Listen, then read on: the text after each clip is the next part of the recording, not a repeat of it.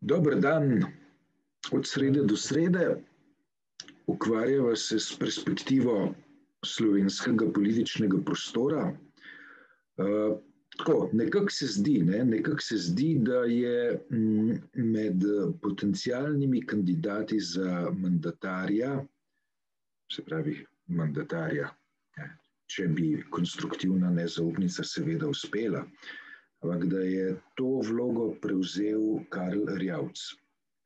Karla Rjavca oba poznava dolg časa, je star politični maček. Um, morda bi lahko na mesto znake maček rekla tudi lisjak.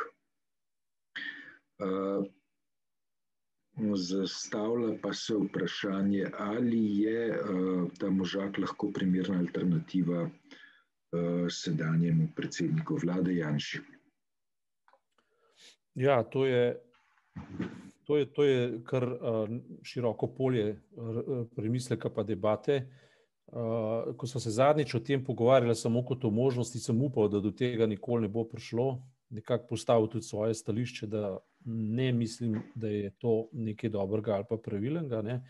Zdaj pa probujemo k stvari pristopati analitično. Očitno je ta ponudba na mizi, očitno je, kolikor se jaz razumem na metode Karla Rjavca, tudi to, da je to pozicijo verjetno izsilil, verjetno je sam predlagal, verjetno je šel do tistih, uh, ki bi si želeli, da Janša ne bi bil več predsednik vlade. In izrazil pripravljenost, uh, da bi se potrudil, vendar bi se pa potrudil pod določenimi pogoji, in na vse zadnje, a ne bi ponudil najboljšo možno alternativo, to sem pa jaz sam. Ne.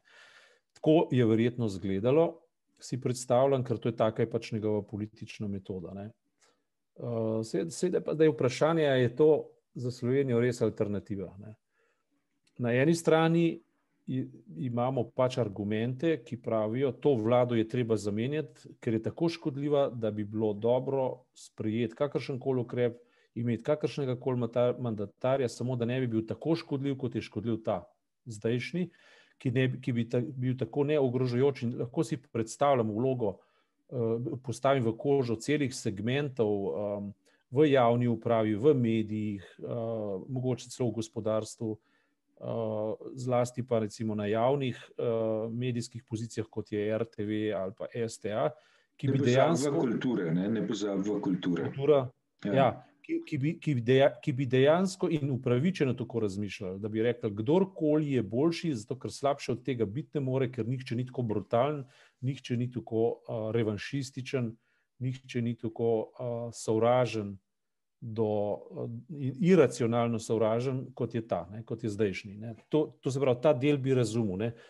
Seveda pa se postavi vprašanje, ali je edina prava smer politike v Sloveniji biti ne Janša ali pa biti anti-Janša in ne pokazati nikakršnega izvirnega ali pa celo v eno smiselno, uh, smiseln jutrišnji dan obrnen koncept. Uh, če bi kljukce delal posod, tukaj bi bilo pri Karlu Arjavcu ne, ne, ne in ne, ne. Se pravi, mislim, da on nima koncepta, edini koncept, ki bi pa lahko bil programski, je to, da bo državo prikrojil po meri um, upokojencev.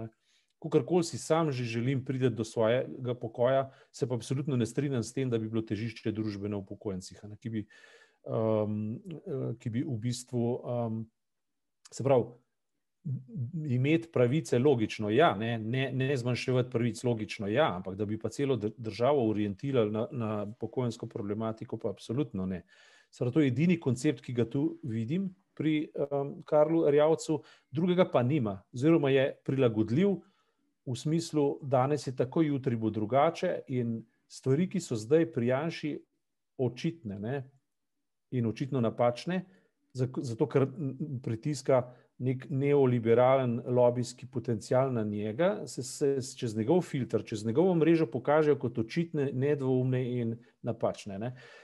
Že, že, pre, že prejšnja dva filtra, to sta bila pa Šarec in uh, Cerar, ne, sta te iste stvari počela na način, ki niso bile tako jasne. In Rjavec bo zelo verjetno ponavljal to isto formulo, kot sta jo že poprejšnja ne Janšovska premijera ponavljala in sta nas seveda s tem spravila v težave, ne konceptualno in to na vseh nivojih, celo do zunanje politike. Ne.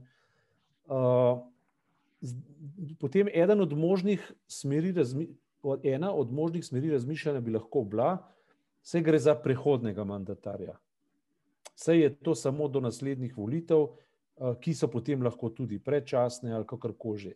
S tisoč je možnih ugovorov ali odgovorov uh, pod črto, pa lahko ugotovimo predvsem to, da ne gre za mandatarja, potencijalnega mandatarja, ki bi, ki bi bil konceptualen mandatar, ki bi predstavljal lahko zrelo in pametno rešitev za našo državo, nikakor ne. In že samo dejstvo, da se on podstavi kot nekdo, verjetno celo kot pogoj, verjetno celo kot uh, vzemi ali pusti, to narediti.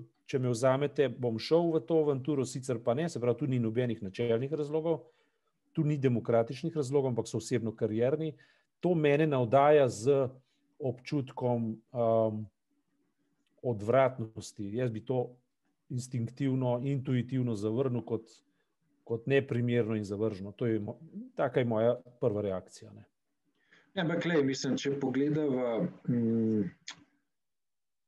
zadnjih 30 let, ne, uh, bi po moji oceni ugotovila, da približno 15 let smo imeli predsednike vlade, ki uh, kakšnega posebnega koncepta niso imeli, ne? ker so bili prilagodljivi, ki so imeli morda geslo ali dve, bistveno več pa ne. Če, če grem naštevati, ne, sam si omenil Šarca.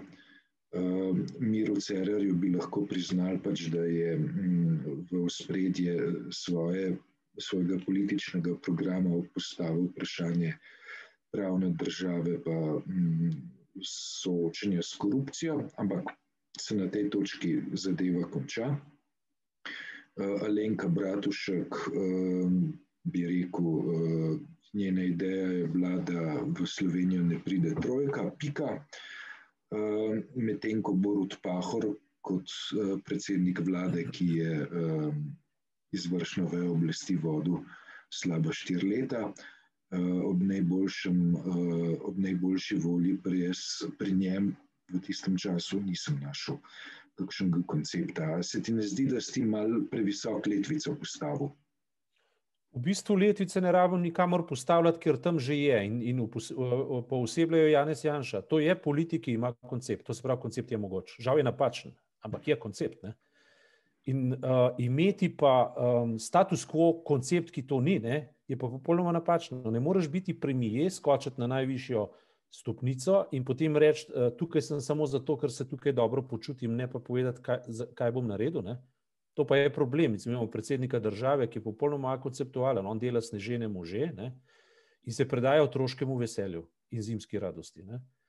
Imamo pa predsednika vlade, ki je izredno konceptualen, izredno natančen, izredno delaven. On ustane zgodaj in gre pozno spat, vmes naredi tisoč stvari, žal, ogromno škode. Žal, popolnoma napačne konceptualne stvari, celo antidemokratične. Ampak celo v gospodarstvu boš najdel privržence ne Janše kot, njegov, kot političnega lika, ampak kot operativca, ki recimo se v nekem parcialnem segmentu dogovori, da besedo in jo drži. Ne? To, to je slišati, jaz sem to že slišal. Ne? Uh, da ne govorimo o političnih konceptih. Mislim, on ima celo enega najbolj smelih in drznih političnih konceptov. Preorientacija Slovenije od zahodne proevropske ali zahodne Evrope ali pa pro, proevropsko-evropske države v iliberalen tip uh, mačarske ali pa semi-mačarske demokracije, to je izredno pogumen koncept. Ne? Še posebej, če ni. Uh, še posebej, če si ga upa tako rekoč izvajati, ne da bi potrditev dobil v parlamentu ali na referendumu. Se pravi, to, da on nima koncepta ali pa da ne bi zmogel koncepta, ne moremo reči. Se pravi, koncept je uh, se pravi, alternativa, ki je lahko Janši zoprstavljena, protipostavljena, je lahko samo konceptualna. Kot kaže, bomo dobili pa uh, nek ringa, ringa raja, ne koalicijo, uh, ki bo imela nalogo ograditi politični vrt, da Janša uh, v njem ne bi sadil svoje solate. Um, zdaj, um, deva, deva zadeve še nekoliko izostriti. Ne? Um, tvoja, tvoja analiza bi lahko navajala na misel,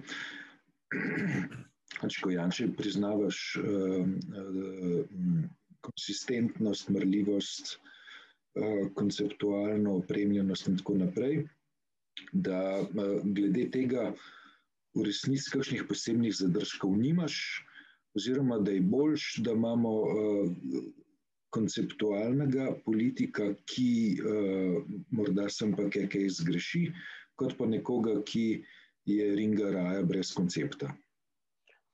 Ja, to, to se lepo sliši, v resnici ni točno to, kar sem jaz mislil. Ne? To pravi, da ne bo nobenega dvoma. Janša je tip politika, kot sta bila Mussolini, da ne rečem Benito, Mussolini, pa da ne rečem Hitler. Pustimo zdaj konsekvence, eh, ki ste jih oni dva povzročila, Janša pa ne. Ampak po tipu politika govorim. Ne? To je nekdo, ki je po svoji, svojem ustroju, ali pa če hočemo, ima neko stalinistično nastrojenost. Ne? Pravi, to je tip politika, ki je ki ima vse nekaj patološkega, in, ima, in to je definitivno odhajanje, kar on počne, je definitivno odhajanje v fašizem. O tem si teoretsko ne delamo nikakršnega, uh, um, dvo, ne postavljamo nikakršnega dvoma. Ne.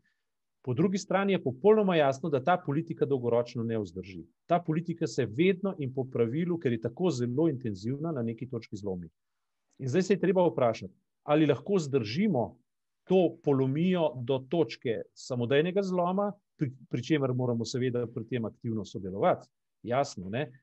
Ali je bolje, da se ga za, na silo zaustavi za ceno podaljševanja pogojev, ki ustvarjajo take um, osebnosti? Kaj, pravi, so, Janes, kaj so pogoji, ki ustvarjajo take osebnosti? Onkraj dvoma so pogoji, recimo, uh, ne, se pravi, v ideologiji neoliberalizma. Ne? To se pravi, v, v, v razpustu vsakršne notranje soverenosti na račun um, ekonomistifikacije, na račun um, mednarodnega pohoda kapitala, ki ljudem v, v končni fazi, če hočeš, jemlje delovna mesta. Ne? V končni fazi ne, mi nikdar ne bomo imeli neke, ne vem, kakšne. Uh, Tako poceni produkcijo, kot jo zmorejo Kitajci, tako poceni produkcijo, kot jo lahko zagotavljajo um, vsi drugi na, veliki, ogromni in predvsem neevropski narodi ali pa nacije. Ne? In celotna Evropa je na tem je pač ogrožena. Tukaj, tukaj je milijon nekih regulacij, regulacij, ki so po mojem mnenju popolnoma nesmiselne. Uh, in tako kot recimo Nemčija ščiti svojo avtomobilsko industrijo. Poglej, kaj, kaj je Slovenija naredila iz svoje industrije. Gorenje je šel uh, Kitajcem. Ne? Mi imamo svojo vojsko, ampak naša vojska kupuje najcenejše čevlje, čevlje, ne podpira lastne industrije, ne podpira lastne čevlarske industrije, tako kot je bilo v, v drugi Jugoslaviji že Mogoče, zakaj? Zato, ker je tisoč nekih regulacij, regulativ, ki v bistvu onemogočajo taka dejanja, hkrati pa ni nikakršnih mehanizmov, ki bi zaščitili um, nacionalno, recimo, če temu rečem, samobitnost, kulturo in tako naprej. Se pravi, to so lahko v smislu liberalnosti um, mejna področja, ampak pri majhnem narodu je takšen, pre, takšen premislek nujno potreben, potreben iz enega samega razloga, da ljudem daje življenjski okvir, v katerem se ne počutijo ogrožene, v, v, v nečemer ne, eh, se jim pravice ne nalaga po socialistično dožnosti, pa jemlje po kapitalistično, po Trumpovsko, se, da, da bo naslednji dan slišal, you're fired, ti si odpuščen in se ljudi ne bo odpuščalo kar tako, ko ljudje ne bodo ogroženi in tako naprej. Skratka, to so momenti, ki so internacionalni, to niso samo slovenski momenti. In na tem je tudi Orban zgradil svoj sentiment, politični sentiment na mačarskem, začel ga je pa seveda z popolnoma napačnimi, uh, predpo, uh, ne predpostavkami, ampak propagandnimi prijemi. Ne? Ekonomija strahov, bojte se tujcev, bojte se migrantov, bojte se tega in onega, nekega kužnega subjekta, on si ga zmisli. Potem so intelektualci, naprimer v Hudiča pa vsebijo v Džorža Soroša, ne? tudi Janša je nekaj tvitev, ne, neke neumnosti spet v Sorošu, sem, sem videl. Ne?